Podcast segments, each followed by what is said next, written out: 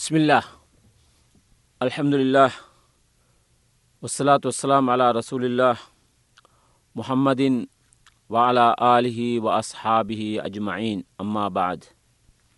അസ്സലാമു അലൈക്കും വറഹമത്തല്ലാഹി വബർക്കാത്തു ಇಸ್ಲಾಮಿಯ ಸಹೋದರ ಸಹೋದರಿಯನಿ අද දින මා දේශනා කිරීමට බලාපොරොත්තු වෙන්නේ ඉස්ලාම් ධර්මයේ පස් මහා වගකීමයි. මොකද ඉස්ලාම් ධර්මය විසින් අනිවාර්ය කාර්යන් පහක් අපිට හඳුන්වාදී තිබෙනවා. එය පිළිවෙලින් ඉගෙන ගැනීම ඉතා වැදගත් කාරණාවක්. ඉස්ලාම් ධර්මය මුලික වසයෙන් ගොඩනැගී තිබෙන්නේ මේ අනිවාර්ය කරුණු පදනම් කරගෙන. عمر رضي الله عنهما قال قال رسول الله صلى الله عليه وسلم بني الإسلام على خمسين شهادة الله إله إلا الله وأن محمدا عبده ورسوله وإقامة الصلاة وإيتاء الزكاة والحج وصوم رمضان متفقون عليه මොහම නබි සල්له ලෙවිසලන්තුමානන් පැවසූ බව ඉබන් උමර් රලියල්ලා වනුතුමා මෙසේ දන්වනවා ඉස්ලාම් නැමැති ගොඩනැගිල්ල කුළුණු පහක් මත ගොඩනගා ඇත. එම කුළුණු පහනම් අල්ලා හැර නැමැදීමට අවනතවීමට සුදුසු වෙන දෙවි කෙනෙක් නැත මොහොම නබි සල්ලල්له වලිවසලම් තුමානන් අල්ලාහගේ දාසයකු හා වක්තෘවරයකු වෙයි යනුවෙන් සාක්ෂි දැරීම දෙක සලාතයටු කිරීම තුන සකාත් දුගී බද්ධ ගෙවීම හතර හජ් වඳනාව ඉටු කිරීම පහ රමදාන් මාසය තුළ උපවාසයේදීම බහාරි මුස්ලිම්. එතකොට මෙම කාර්ය සහ මෙහි අර්ථය හොඳින් දැනගෙන මුස්ලිමෙකු විසින් අනිවාර්යයෙන්ම මේවා ඉටු කරන්නට ඕන.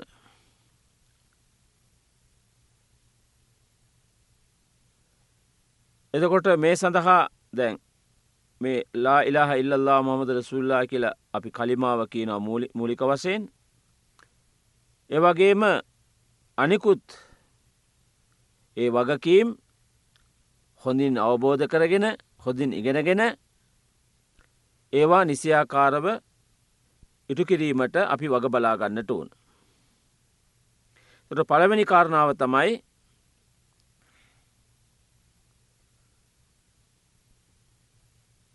ඉස්ලාම් තුළට පිවිසීමේ ප්‍රමා ඒැන ප්‍රධාන දොරටුව ඒ තමයි අපි මුලින්ම කිව්වේ ශහදතු අල්ලා ඉලාහ ඉල්ලල්ලා වන්න මොහමද නබ්දුහු වරසූලු කියලා ඒ හදිසේ සඳහන් වෙන්නේ අල්ලා එක්කනෙකි අල්ලා හැර වන්දනාමානය කිරීමට වෙන කිසිවෙකු නැහැ මොහම නබි සල්ලල්له වලවෙසල්ලම් තුමානන් අල්ලා තාලාගේ වහලෙකු නැත්තම් දාසයකු සහ වක්තෘවරයකු වසයෙන් පිළිගැනීම. මේක තමයි ඉස්ලාම් ධර්මය පලවෙනි අනිවාර්ය වගකින් පහෙන් පළවෙනි වගකීම එකයි. මූලික වසයෙන් අපි ඉස්ලාම් තුළට පිවිසෙන්න්නට ඕන මේ කලින්මාව නිකන් දෙවෙන්කිවට මදී ඒවා හිතෙන් පිළිගෙන වචනයෙන් පිට කරනවා සමගම තුන්වනුව ඒ අනුව අපි ජීවත් වෙන්නට ඕන. මේ කාරණා තුන අපේ ජීවිතයේ ඇතුල් වෙන්නට ඕන මුස්ලිම් කෙනෙකු වසයෙන්. ඒක තමයි මේ පළවෙනි කාරණාව. අශ්හදු අල්ලා ඉලාහ ඉල්ලල්له අශ්හදු අන්න මොහම්මද අබ්දුහු වරසූලු. මෙම වාක්‍යය මුවින් කියා මුස්ලිමික වූ සෑම ස්ත්‍රී පුරුෂයෙක්ම දිනපතා මේ ජීවිතය අනුව මේ කලිම අනුව අපේ ජීවිතය හැඩගස්වා ගන්නට ඕන ගොඩනගා ගන්නට ඕන. අපේ ඉබාදත් අපේ අනිකුත් කාර්යන් කරනකොට එ හැම අවස්ථාවකදීම මේ ශහාදතුලා ඉලාහ ඉල්ලල්ලා අශ්හදු අල්ලා ඉලාහ ඉල්ලල්ලා අශ්හදු අන්න මොහම්මද රසුල්ලා කියන කලිමාව අපේ ජීවිතයට ඇතුල් කරගන්නට ඕන. අල්ලා ස්භානෝතාලා කියාදුන් ආකාරයට මොහම නබිසල්له වලේ වෙසල්ලම්තුමානන් පෙන්වාදුන් ආකාරයට හැම කටයුත්තක්ම හැමවෙලේම අල්ලා ස්භානවතාලා සහ රසු සල්ලා ඔලෙ සලන්තුමානන්ගේ මඟ පෙන්වීම යටති අපේ ජීවිතය හොඩ ගොඩ නගා ගන්නට ඕන. හැම දෙයක්ම ඉබාධතයක් බවට පත්වෙනට ඕන. දැන් අපි පස්වෙලි සලාතයුතු කරනවගේම හැම වෙලේම මෙ ජීවිතය කළ ගැන හැමවෙලේම අල්ලා ස්භානවතාලා අප දිහා බලාගෙන ඉන්නවා. අපි අල්ලා ස්භානවතාලා නොදකින්න පුළුව නමුත් අල්ලා ස්භානවතලා අප සමග ඉන්නවා. ඉන්න සමියවුන් බසිර් ඔහු අපි කියන දේවල් අසනවා අපි දිහා බලාගෙනන්නවා හැම දෙයක්ම දන්නවා අන ඒ හැඟීම අපිට තිබෙන්න්නට ඕන. සහ විශේෂෙන්ම කවදාහරි අපි මරණය මරණයට පත් වනට පස්සේ අල්ලාස් භානවතලා අපි කරපු කියපු හැම ක්‍රියාවක් ගැනම අල්ලාස් භානොත්තල අපේ ජීවිතය සිදුවච්ච හැම දෙයක් ගැනම දවසකට අපෙන් ප්‍රශ්න කරයි කියන අර හැඟීම අපේ සිස්සතන් තුළ අපි ඇති කර ගන්නට ඕන. ඒක තමයි අපේ ජීවිතයට ඉතාමත්ම වැදගත් වෙන කාර්ය. ඒක තමයි අපේ ජීවිතයට අවශ්‍ය වෙන්නේ. එනිසා ඒ අනුව අපේ ජීවිතය හොඳ හැටි සකස් කර ගැනීමට අපි උත්සාහ කරන්නට ඕන. අන එනිසා අල්ලා සුභානහුතාලා අප දිහා බලාගෙන ඉන්නවා අපි අල්ලා ස්භාන උතාලාව කියාමත්දිනයේදී අල්ලා ස්භාන උතාලාව අපි අල්ලා ස්භානොතල අභියස අපි ප්‍රශ්න කරනු ලබනවා කියන අර හැඟීම අප තුළ තිබෙන්න්නට වුණ. දකොට ලා ඉලාහ ඉල්ලල්ලා මොහමද රසුල්ලා කියන කලිමාව අපි හොඳින් අවබෝධ කරගත්තා.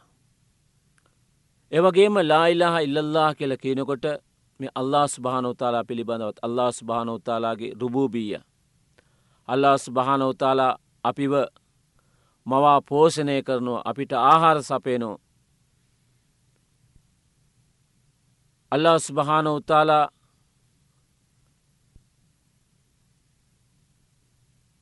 අපිට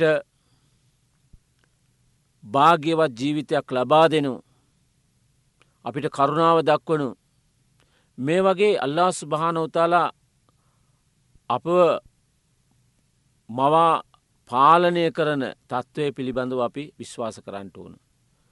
එවගේ මල්ලාස් භානෝතාලාගේ උලූහියත් කියල පැත්තත්ති නොය කියන්නේ අල්ලා අපිව නිර්මාණය කලා මැව්වා අපිට ආහාර සපයනවා කියලා පිළිගත්තට මදී අල්ලා ස්භානෝතාලා පිළිබඳ උලූහියත් එකැන් අල්ලා තාලාට පමණක් වඳනාමානය කිරීම.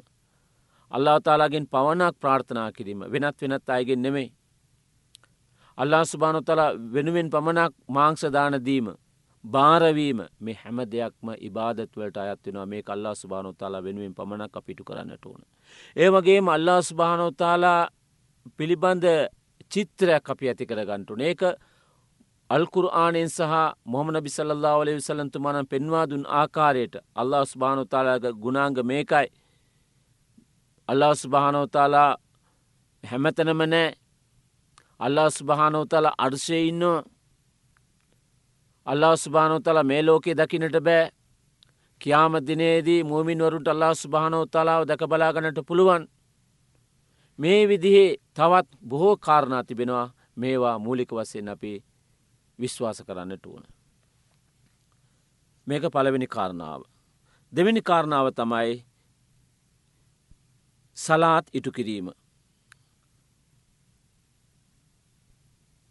අල්ලා ස්භාන උතාල අල්කුරාණයේ සඳහන් කරනවා රබ්බි ජල්නී මුකීමත් සලාත් වමින් දුර්රී ඇති රබ්බනා වතකබ්බල් දොආයි.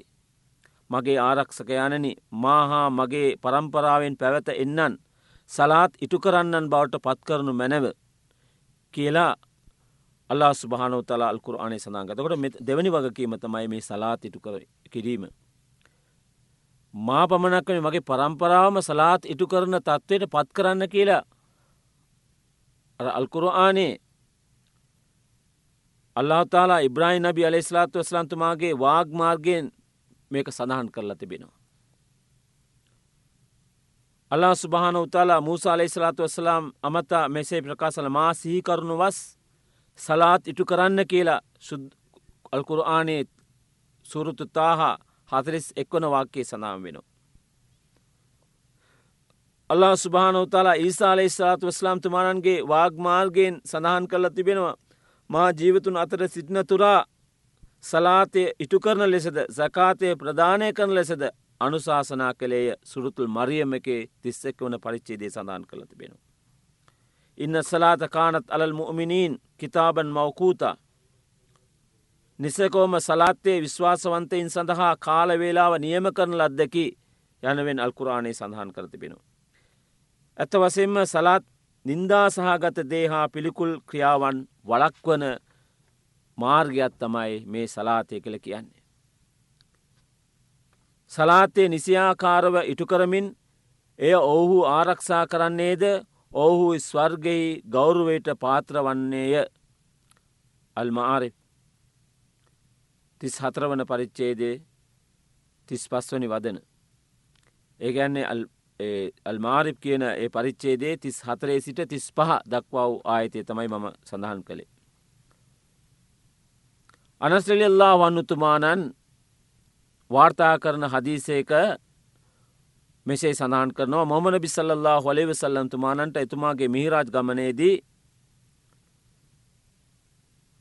දවසකට වේල් පණහක් සලාතය අනිවාර්ය කළා.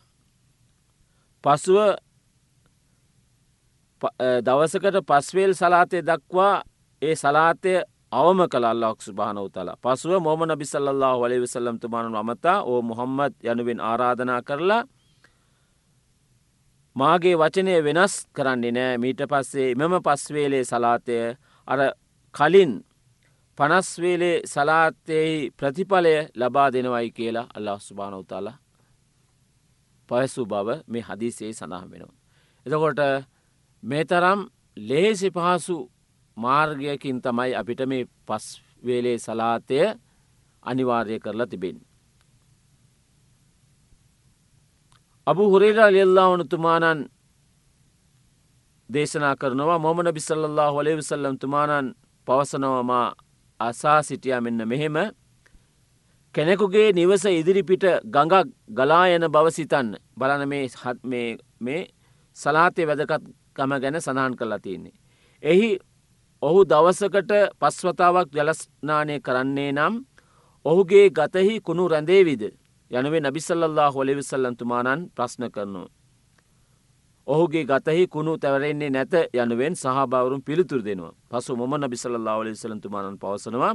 මේ ආකාරයට පස්වේලේ සලාතය තුළින් අල්ලාක් සුභාන උතාලා කෙනෙකුගේ පව් සමා කරනවා. ඔහුගේ පව් සේදිල යනු. අර ජලය නිසා ඔහුගේ ගතයකුණු කොහොමද නැතිවෙන්නේ ඉවත්වෙන්නේ ඒ විදියට කෙනෙකු පස්වතාව සලාතිටු කරනකොට එයාගේ වැරදි සඳහා ඔගේ පාපයන් ඉවත් වෙනවයි කියලා මේ හදිසේදී මොම නබිසල්له හොලිවිසලන්තුමානන් දේශනා කරනවා. අබු හුරේරාලි අල්ලාහනතුමානන් වාර්තා කරන හදිසේක මෙන්න මේ විදිහට සඳහන් වෙනවා අවලුමා යහසුබ ලබ්ද යෝමල් කියාමති අනිස්සලා. ඉදා සලුහත් සලුව සාහිලු අමලි. වයිදා පසදත් පසද සාහිරු අමලි. නැවත නැගිටුවනු ලබන යාමදිනයේදී කෙනෙකුගෙන් ප්‍රථමෙන්ම අසුන් ලබන ප්‍රශ්නය මොකක්ද සලාතය පිළිබඳවයි. එතකොට ඒ සලාතය පිළිබඳ අහන ප්‍රශ්නයට හරි උත්තරයක් ලැබුණානං එයාගේ අනිකුත් සියලූම සලාතය පිළිබඳ අහන ප්‍රශ්නයට හරියට උත්තර දෙන්න පුළුවන්න්න ඊළඟට අහන හැම ප්‍රශ්නයකටම ඔහුට හරියට උත්තර දෙන්නට පුළුවන්කම ලැබෙනවා. සලාතය පිළිබඳ අහන ප්‍රශ්නයට හරියට උත්තර දෙන්න බැරිවුණා නම් එයා ඒකෙන් පරාජිට පත් වනා නම් ඊළඟට අහන හැම ප්‍රශ්නයකදී මොහු පරාජිට පත්වෙන. මොකද සලාතය තමයි ඉතාමත් වැදගත් වන්නේ සලාතය ගැන තමයි කියාමත් දිනේදී අල්ලා ස්භානෝතලා ප්‍රථමයෙන්ම අපෙන් ප්‍රශ්න කරන්නේ. මොහමඩ බි සල්ලා හොලි විසල්ලන්තුමානන් පැවසු බව අබූ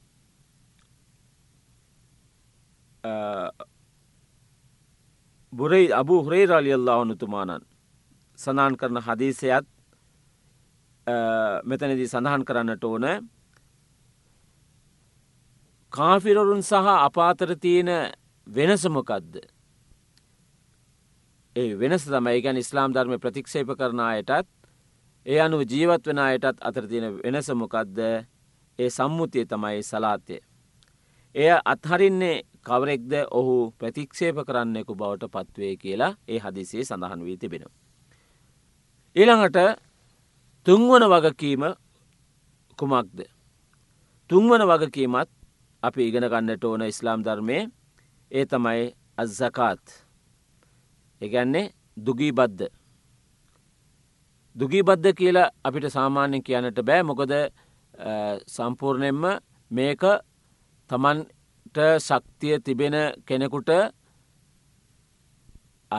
ඇති හැකි අය නැති බැරි අයට ලබා දෙන දීමනාවක් හැටියට අපිට සඳහන් කරන්නට පුළුවන්. මේ සකාතය පිළිබඳව අල්කුරාණි විවිධ ස්ථානයේ අල්ලාක්ස් භාන උතාලා සඳහන් කරනවා සලාත් ඉටු කරන්න ဇ කාත් දෙන්න කියලා විටිම්විට අල්කුරආනේ සඳහන් වෙනවා මෙම ආයතය. එතකොට මේ සකාත අපි හඳුන්වනු ලබන්නේ මේ ඉස්ලාම් ධර්මය ඉස්ලාම් සමාජ ජීවිතයක් බිහිකිරීමේ අරමුණින් තමයි මොහම නබි සල්له ඔලේ විසල්ලම් තුමානන් මේ සකාත් ක්‍රමය අපිට හඳුන්වාදී තිබෙන්නේ. එතකොට සකාත් කියන්නේ අනිවාර්ය දීමනාවක් එය නිශ්චිත කාලයකදී නියමිත බාණ්ඩවලින් නියමිත පන්තියක් සඳහා ප්‍රධානය කළ යුතු ඉබාධතයක්.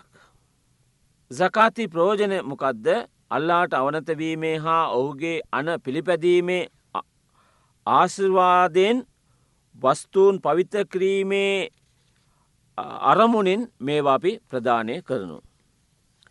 එවගේම දෙවැනි කාරණාව තමයි ලෝභකමින් හා තන්හාාවෙන් මිනිසුන්ගේ සිත පිරිසුදු කිරීම. එතකොට දෙනකොට අර ලෝභකම නැති වෙන.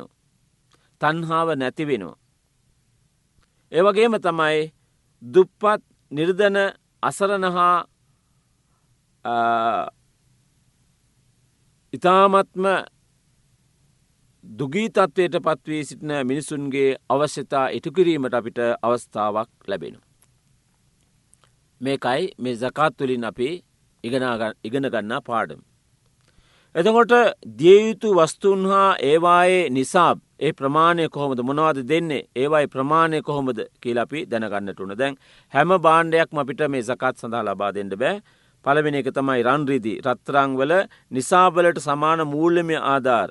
එය වසරකට එකතු කරාම ඒවායේ ගණන අපි හරියට නිගමනය කරලා ඒ සකාතය දෙන්නට ඕන පළවෙනික රන්රිදී.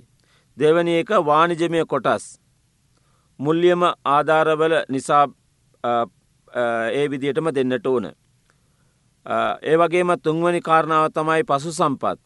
හතරවනි කාරණාව තමයි අපි වගා කිරීමෙන් ලබාගන්නා අස්වනු. මේ විදියට තමයි ဇ කාත් ලබාදීමේ වස්තුූන් ගැන සඳහන් වෙන්නේ. තකට මේ අනුව තමයි අපි සකාත් ප්‍රධානය කරන්නට ඕන තිනු මේවා අපිට තවත් මේ මූලික වසයෙන් අපි දැනගත යුතු කාරණාමය කිව්වේ. ඊළඟට ဇ කාත් ආධාරවල ප්‍රෝජන ලබන්නෝ කවුද. අල්ලා තාලා අල්කුරආනේ මෙසේ සඳහන් කරතිබෙනවා. ဇ කාත් දිය යුත්තේ අල්ලාගේ අනපරිදි නිර්ධන දනන්ටද අසරණයන්ටද එය එකතු කිරීමට යොදවන්නන්ටද ඉස්ලාම් වෙතට සිත් යොමු වූ අයටද වහලු නිදහස් කිරීමටද නයවී ඇති අයටද අල්ලාගේ මාර්ගයිද මගීන්ටද මේවා ප්‍රධානය කළ යුතුවේ. තවද අල්له සියල්ල දන්නේය ඥානාන්විතය කියලා සුරුතු තවබා කියන පරිච්චේදේ අල්ලාස් භානෝතාලා සඳන් කර තිබෙනු. එවගේම මේ පන්ති අපි පොදුවේ ගත්තහම දුප්පතුන්ට දෙන්ට ඕන දෙක අසනනයෙන් හට තුන්වනි පන්ති තමයි සකාත් ආධාර එකතු කරන හා ඒවායේ වාර්තා තබාගන්න අයට හතර ဇ කාත් ආධාරවලින් කොටස් දීමෙන් ඉස්ලාම් වැළඳ ගනීයයි දැන් ඉස්ලාම් ධර්මය කෙරෙහි ඒගොල්ලන්ට බලාපොරොත්තුවක් ඇති කරගන්නට පුළුවන් කියල හිතනවා නම් ඒ අයටත් අපිට සකාත් ප්‍රධානය කරන්නට පුළුවන්. ඒවගේම දැන් ඒ ඒගොල්ලන් හරහා අපිට ඉස්ලාම් මුස්ලිම්වරුන්ගේ සමාජය තුළ සාමය ඇති කරගන්නට පුළුවන් කියලා හිතනවනං ඒ වගේ කොටසකට දීලා ඒවගේම මුස්ලිමරුන්ට සිදුවන හානිය වලක්වා ගැනීමට පුළුවන් කියල හිතනවා නම් ඒ විදි ඒ කොටසටත් දෙන්න පුළුවන් කියලා සමහරහයගේ අදහස් තිබෙන සමහර ඉස්ලාම් ධර්මය පිළිබඳ උගත් අයගේ අදහස් තිබෙනු. ඒවගේම තම ස්වාමීන් සමඟ ගිවිසාගෙන ඇති එකන්නේ තම ස්වාමීන් සමඟ ගිවිසාගෙන ඇති පිරිමි හෝ ගැහැනු වහලු නිදහස් කර ගැනීම සඳහා. එතකොට මේ දැන් සමහර එක් මේ කාලෙ හිටිය ස්වාමීන් යටතේ නිදහස්වීමට බැරුව ඉන්න අයව නිදහස් කර ගැනීම සඳහා මේ මුදල යොදවන්නට පුළුවන්. ඊළඟ කාරණාව තමයි ණයකරුවන්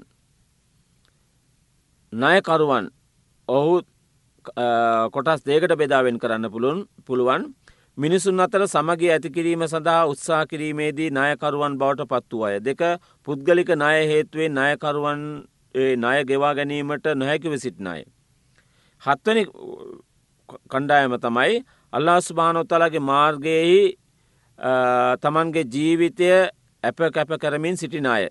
මේ අල්ලා තලගේ මාර්ගයේ සටන් කරනවුන් සඳහා සහ හජ්වන්දනාවේ එදීමට කැමැති එහෙත් මුල්ලම අඩුපාඩු ඇති අය වසයනුත් හඳුන්වන්නට පුළුවන්. අටවැනි කාරණාව තමයි මගින් මුදල් අඩුපාඩුකම් නිසා අතරමං වී සිටින සංචාරකයෙන් සඳහාත් මේ වගකීම මේ පන්තියටත් මේ මුදල යොදවන්නට පුළුවන්. ඊළඟට සිවන වගකීම තමයි රමදාන් මාසේ උපවාසසීලේ යෙදීම. අල්ලා ස්භාන උතාල අල්කුරාණය සඳහන් කරනවා.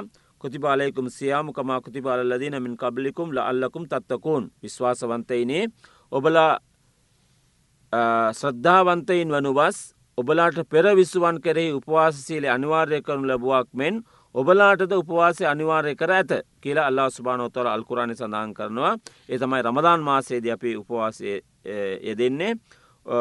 අලියොම ෆජිර් වේලාවේ සිට ඉර බැස යන ඒ මාරි බේලාව දක්වා ආහාරපාන සහ උපවාසීලේ නිෂ්පල කරන සියලු දෙයින් වැලැකීමෙන් අල්ලා තලා වෙනුවෙන් කරන නැමදුමත් තමයි මේ උපවාස සීලය කළ කියන්නේ විශේෂම ඉස්ලාමිය දිනදර්ශනය අනුව රමදාන් මාසේ පළමු දින සිට අවසාන දක්වා මේ උපවාසයේ යෙදෙන්න්නට පුළුවන්.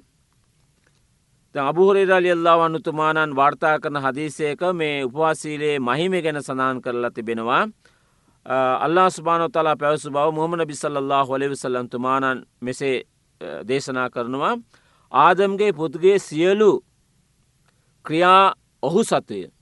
උපවාසසීලේ හැර උපවාසසීලය මා සතුයි. එකන්නේ මේක මටම අයිති දෙයක් ඒ සඳහා මා ආනිසංසක ලබා දෙමි. උපවාසසීලය නපුර වලක්වාලන පලිහකි එතකට උපවාසය තුළින් අපිට පුළුවන්න අපේ ජීවිතය ඇතිවෙන සියලුම නපුරු වලක්වාලන්නට තකට අල්ලා සුභානොතාල විශේෂ වර ප්‍රසාදයක් වසයෙන් තමයි අපි මේ උපවාසය දුනාම අල්ලා සුභානොතාලාගේ මාර්ගින් අපිට පින් ලැබෙන්නේ. තවද කෙනෙකු උපවාසශීලී නිර්තව සිටින කෙනෙකුට දොස් පවරන්නේ නම් හෝ ඔහු සමඟ දබර කරගන්නේ නම් ඒ වෙලාවට අපි මොනවද කියන්ඩුනන්නේ මම උපවාසය රකිමි. එනිසා මාත් එක්ක ප්‍රශ්න ඇති කරගන්න එපා රණ්ඩු දබර කරන්න එපා කියලා අපි බැගෑපත්ව ඉල්ලා සිටින්නට ඕන. මොහමන බිසල්له හොලෙවිසල්ලම් තුමානන්ගේ ප්‍රාණය කාගේ හස්තෙහි ඇද්දෝ ඔහු කෙරෙහි දිවරා පවසමි. උපවාසය රකින්නාගේ මුවින් පිටවන සුවඳ කස්තූරි සුවඳට වඩා සුවඳවත්වය උපවාසසීලේ නිර්තවන සිටින කෙනෙකුට දෙයාකාර සතුටක් ඇත එනම් උපවාසයෙන් මිදෙන අවස්ථාවේදී උපවාසයෙන් මිදීමෙන්